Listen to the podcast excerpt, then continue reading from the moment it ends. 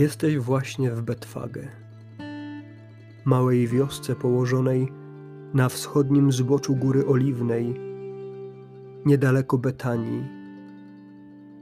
A Betania to jedno z ulubionych miejsc Jezusa,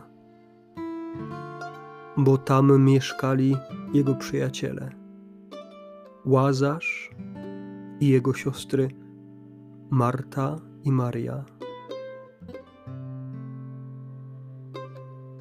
Jesteś w Betfagę, bo to dobre miejsce, by z dala od wielkomiejskiego zgiełku odpocząć, znaleźć trochę przestrzeni, oddechu i spokoju.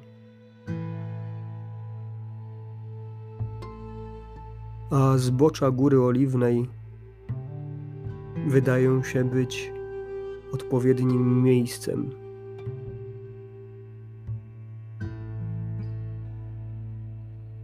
Po chwili jednak zauważasz, że pojawia się Jezus wraz ze swoimi uczniami. Zatrzymali się niedaleko, także bez problemu mogłeś ich zobaczyć i usłyszeć.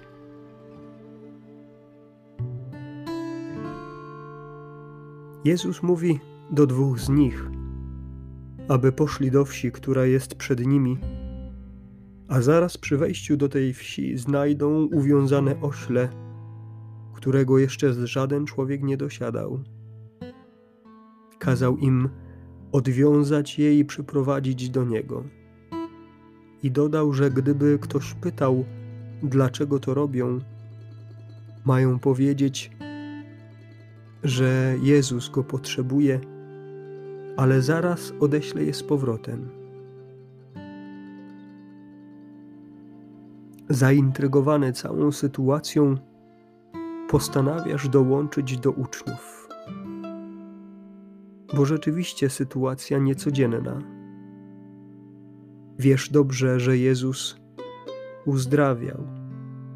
Wiesz, że naucza.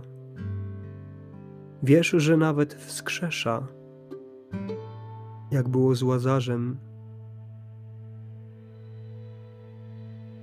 Ale obecna sytuacja jest jakaś inna, wyjątkowa.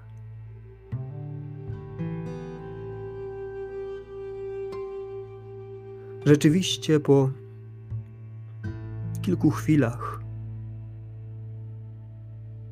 jesteście we wskazanej przez Jezusa wiosce. Bez problemu znajdujecie ośle przywiązane do drzwi z zewnątrz, na ulicy. Uczniowie odwiązali je, a niektórzy ze stojących tam pytali ich, co to ma znaczyć, dlaczego odwiązują ośle. Oni zaś odpowiedzieli, tak jak Jezus im polecił, a ci od razu pozwolili.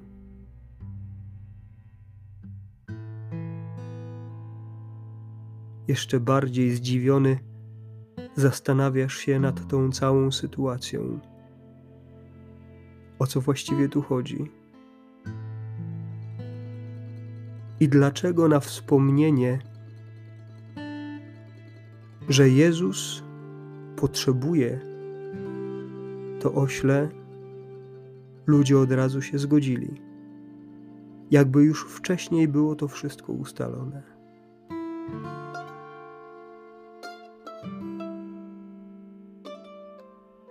Wracacie z powrotem. Wokół Jezusa zgromadzony już, już jest niemały tłum. Jakoś niespecjalnie cię to dziwi, bo sam wiesz, jak dobrze jest być blisko Jezusa.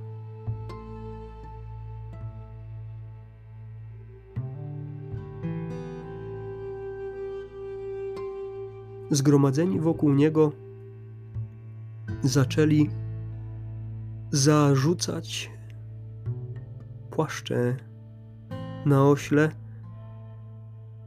a Jezus wsiadł na nie.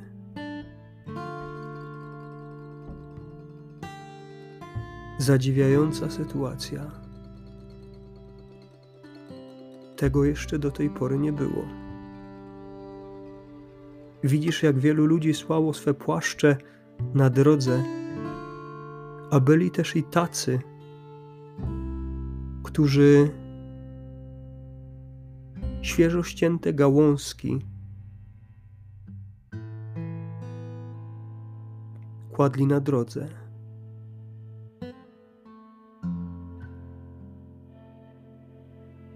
I w taki oto sposób Jezus wjeżdża do Jerozolimy. Zupełnie inaczej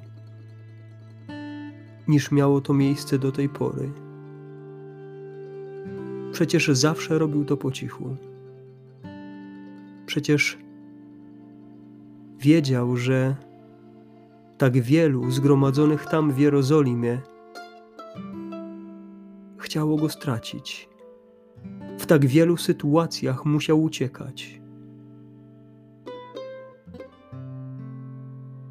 A nagle zupełnie inaczej, tak odważnie, tak triumfalnie, Jezus wjeżdża do Jerozolimy.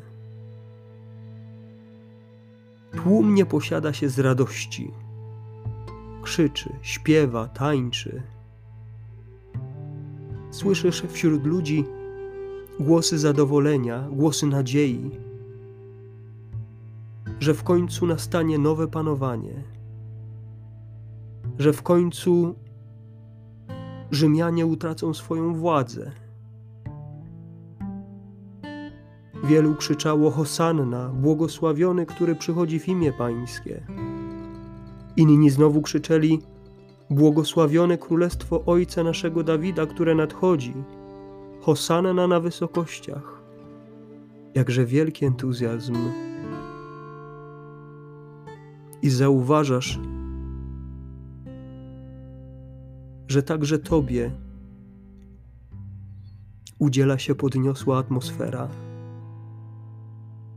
że bez problemu wśród ludzi tak entuzjastycznie reagujących na Jezusa, tak przyjaźnie do Niego nastawionych, bez problemu możesz się modlić. Bez problemu możesz krzyczeć, że On jest Panem bez problemu możesz wyciągać w górę ręce w geście uwielbienia. Bez problemu możesz pokazać palcem na Jezusa i powiedzieć: To mój Pan i Zbawiciel.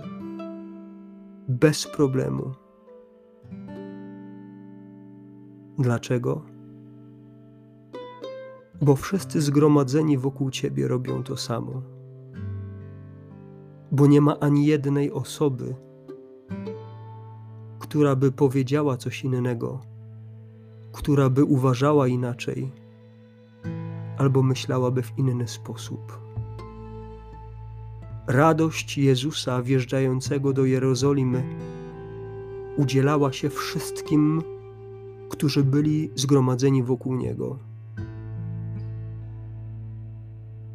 Także Tobie.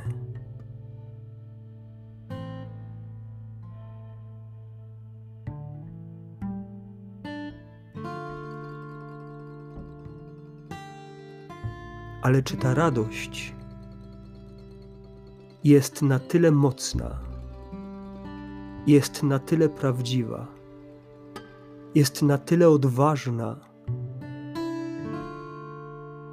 żeby wystarczyło Ci jej także wtedy, kiedy ludzie zgromadzeni wokół Ciebie nie będą tak entuzjastycznie reagować na Jezusa. Kiedy zgromadzeni wokół Ciebie nie będą tak pochlebnie się o nim wyrażać. Kiedy zgromadzeni wokół Ciebie nie będą mówić, że On jest Panem, gdy zgromadzeni wokół Ciebie będą Go obrażać, będą podważać Jego boskość, będą wątpić w Jego istnienie. Czy wtedy też tak entuzjastycznie i z taką energią będziesz potrafił wskazywać na Jezusa jako Zbawiciela?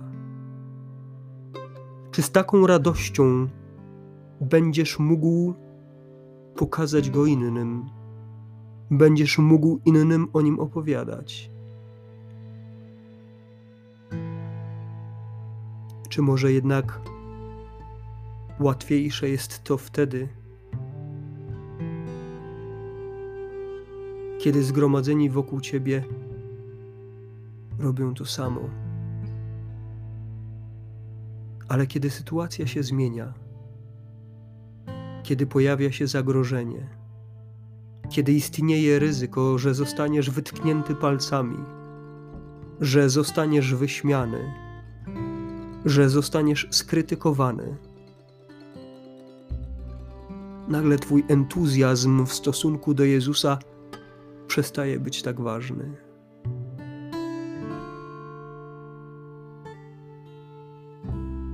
I zadajesz sobie pytanie: czy jestem czytelny? Czy jestem wyraźny? Czy w sytuacjach, w których rzeczywiście Jezus nie jest odbierany w pozytywny sposób? Czy wśród tych, dla których Jezus nie jest tak ważny jak dla Ciebie, potrafisz być czytelnym świadkiem Jego obecności? Czy ludzie patrząc na Ciebie, słuchając Ciebie, rozmawiając z Tobą,